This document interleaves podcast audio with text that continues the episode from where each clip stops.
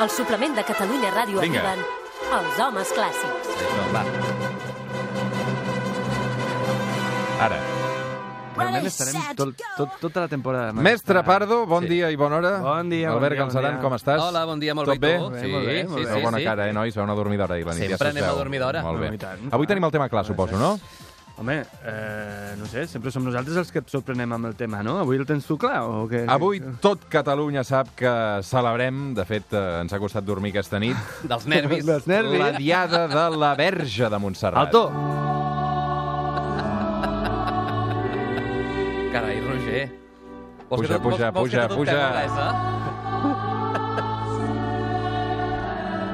res, Molt bé, en aquesta hora al matí. Éreu previsibles avui, després de tants mesos ja us conec, eh? eh?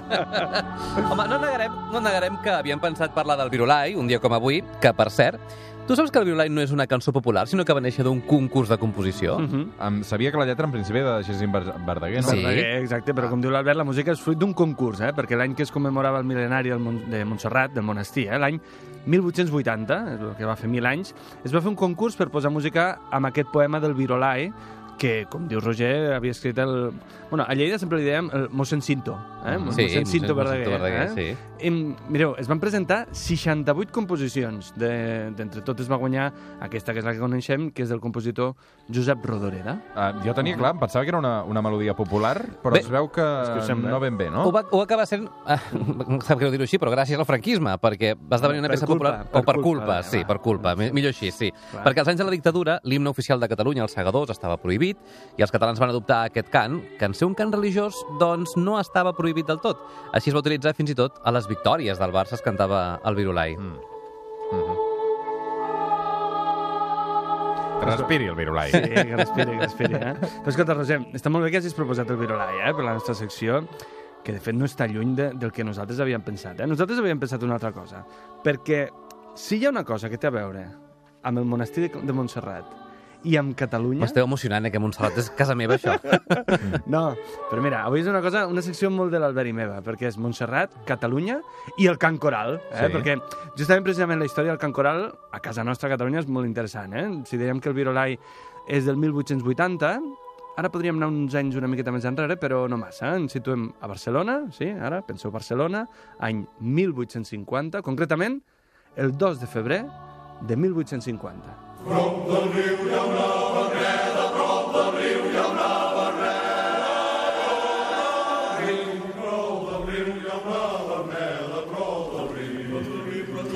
Què vol dir aquesta cançó? Que voleu que digui Què et ara? passa pel cap, No, Roger? No, és que jo m'imagino el Roger cantant, amb Sí? aquesta veu Fa- de fa- baix. veu de baix. Que té... Crec que canviaré la, la portada del suplement, la farem amb aquesta Amb sintonia. aquesta, prop Sí. del riu i Què és això? Berneda. Què és? Són les flors de maig. Les flors de maig, Sí. molt bé. Sí. A- En aquesta data que deia el Pedro, el 2 de Molt febrer català. de 1850, podíem dir que va néixer pròpiament el cant coral a Catalunya, tal i com el coneixem a dia d'avui. Ens situem a Barcelona en un període on hi ha molta diferència de classes i on especialment les classes obreres no tenen drets, però sí que tenen molts deures. Mhm. És en aquest moment on un jove de 25 anys, Josep Anselm Clavé, et deu sonar de noms de carrer, eh, crea la primera societat coral de l'estat espanyol anomenada La Fraternitat. La Carai. fraternitat, sí, sí. Clavé era un músic autodidacta eh? i afiliat també a moviments polítics d'esquerres, que tenia doncs, molta popularitat després d'haver participat a les revoltes urbanes de principis dels anys 40. Mm -hmm. Mm-hmm. Que consti que això no estem al programa En Guàrdia. No, eh? no, Vull dir, no, Estem a la no, no. secció dels homes clàssics, Sí, però sí. té, té molt a veure, eh? A veure, va. Perquè ell va, va crear el primer diari comunista Ep. a Catalunya. Sí, sí. Fins i tot va estar empresonat a la Ciutadella. Després d'aquest empresonament va tornar a la seva activitat com a músic pels cafès de Barcelona, al mateix temps que entrava en contacte amb la música de l'època. I, de fet, ell va veure que eh, l'èxit que tenien les seves composicions i interpretacions com aquesta.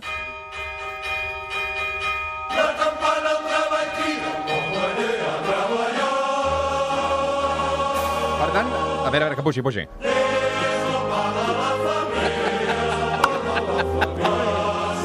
Aquí hi ha un director en potència que es diu Roger Escapa, eh? No, no. Ara, ara més per una... O sigui, això Sí, tenim sí. un músic activista d'esquerres Sí, que exacte. Ah, forma, per tant, la primera societat coral d'Espanya Uh -huh.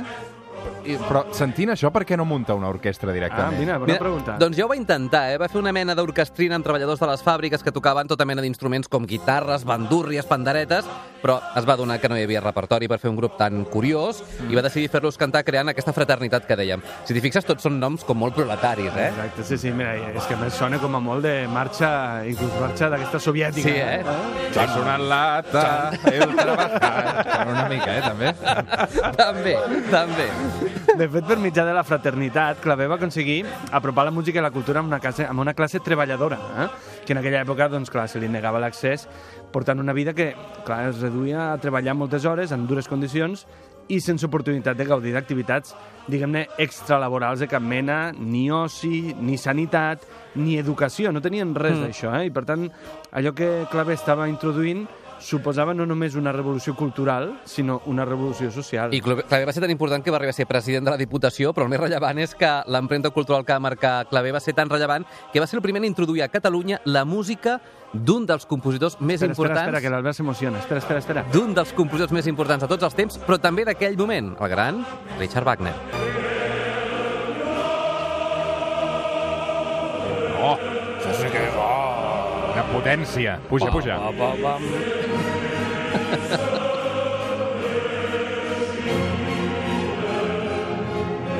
Aleshores, eh, Wagner era en principi un músic contemporani. Clar, no? aleshores mu- era un músic viu. Wagner va néixer el 1813 i moria el 1883.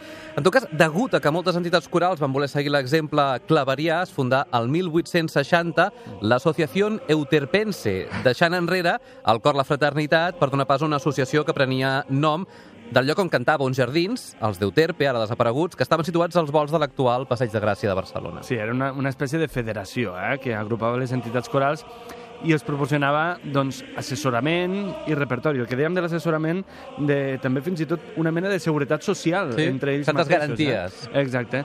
Amb alguna d'aquestes trobades, d'aquestes federacions de corals, s'interpretà per primer cop a Catalunya música, com deia l'Albert, de Wagner, eh? com Mm. aquests cors de l'òpera Tannhäuser que, que sentim de fons i que Meravellosos. són meravellosos. Escolta'm, i avui encara existeix la Federació de Cors Clavé o no? Doncs sí, són Mhm. majoritàriament cors masculins i hereus d'aquelles primeres societats corals que des de Barcelona es van anar escampant arreu del territori català formant corals i orfeons. Exacte. I ara, mm, permeteu-me que no entri en la discussió de quin és l'orfeó més antic de Catalunya.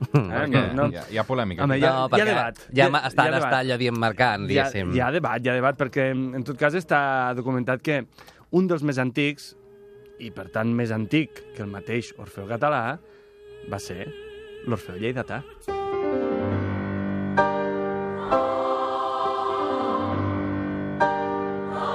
Ha d'arrencar. A veure, Pardo, tu sempre escombres molt cap a casa teva, però Eh? eh? no em diràs Va. ara que l'Orfeo Lleidatà és més antic que l'Orfeo Català. Perdona, i tant que t'ho diré. Ah. sí, no sí. només t'ho diré, sinó que té Sí. 30 anys més. O sigui, és 30 anys més gran, eh? Mira, mira, mira, com, com estan cantant aquí. Per què canten junts? La lleidatà i el català. Bueno, perquè Ah. després de 30... Sí o no? Perquè, Sí, perquè nosa- sí, sí. nosaltres els hi vam cedir una mica. No. Això que sona és el concert per piano i cor número 1 d'en Pedro Pardo. Sí, que el, el, el vam, bueno, el vaig escriure justament per commemorar el 150 aniversari de l'Orfeo Lleidatà i el 120è aniversari, que està allò registrat, eh, de, Mhm. de l'Orfeo català. Penseu que el, el Lleidatà es va fundar l'any 1861 i el català l'any 1891 Mhm. de la mà de dos joveníssims músics del moment. Home. I un moment, un moment, un moment. Ara posem-nos drets, si us plau, perquè aquests joveníssims músics són Amadeu Vives i Lluís Millet.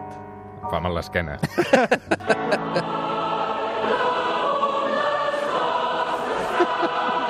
Era la- era He dit l'avi? Lluís. Era l'avi No, o...? era el tiet Era avi. el tiet avi. Sí, el tiet Fa mal avi. l'esquena. No del puc famós... eh, veure. sí, bé, en fi. Bueno, Has reconegut que sona per això, no, ara mateix? Sí, ara és el cant de la senyera, no? Exacte. Lletra de Joan Maragall i música... música... Però, deixeu- però deixeu-la escoltar una mica, Espera, no?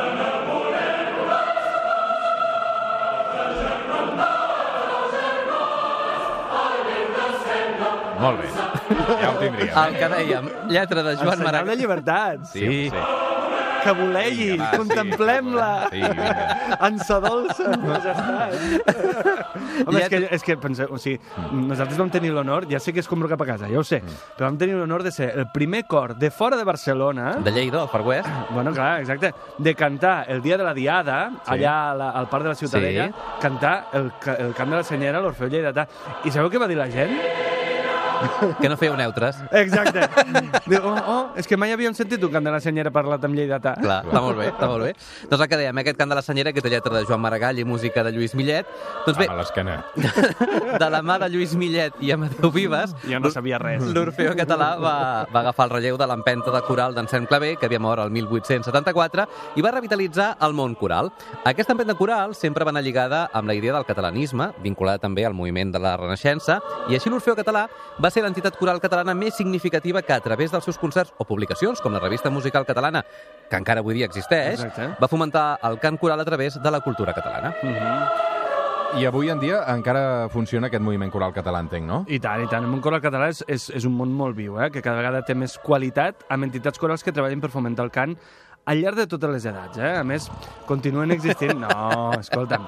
Continuen Espera. existint associacions d'entitats corals, eh, entre les quals destaca la Federació Catalana d'Entitats Corals, la FASEC, eh, que va ser constituïda a Manresa l'any 82 Ahà. i que, de fet, és hereva del secretariat d'Orfeons de Catalunya, que alhora és hereu de la germanor d'Orfeons de Catalunya, que es va crear el 1908, que justament és el mateix any que es va inaugurar el Palau de la Música.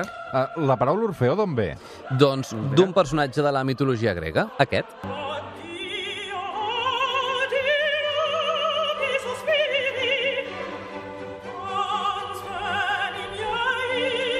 El coneixes, Orfeu, o no? El personatge d'Orfeu? Uh, deu ser un pastor, no? O... És un pastor. Oh, Eh, És aquell, aquell que emocionava els dedos. Ah, exacte, Ah, ah, veus? exacte. Quin domini de la mitologia grega, sí m'agrada. Ah, Orfeu era un pastor enamorat d'Eurídice, ella mor per la picada d'una serp i ell es posa a cantar un lament tan trist que emociona els déus i aquests li permeten baixar a l'Hades, al món dels morts, per rescatar-la. Llavors, en aquesta versió de Gluck, que sentim de fons, és el moment en què canta aquesta peça alegre. Per això el nom d'Orfeu està als Orfeons.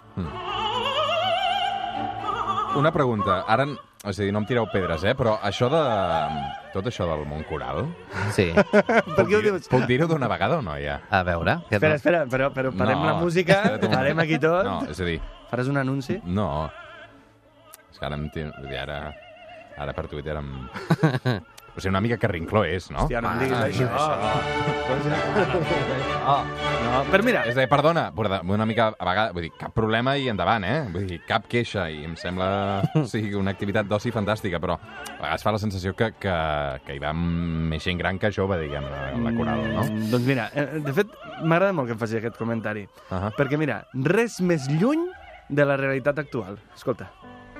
I let you see the parts of me that weren't all that pretty. And with every touch, you fixed Saps qui són, Roger? És Radio Flashback? No, és ICAT. Això és, ICAT. deu ser uh, Oh Happy Day, potser, no? Mira, mira.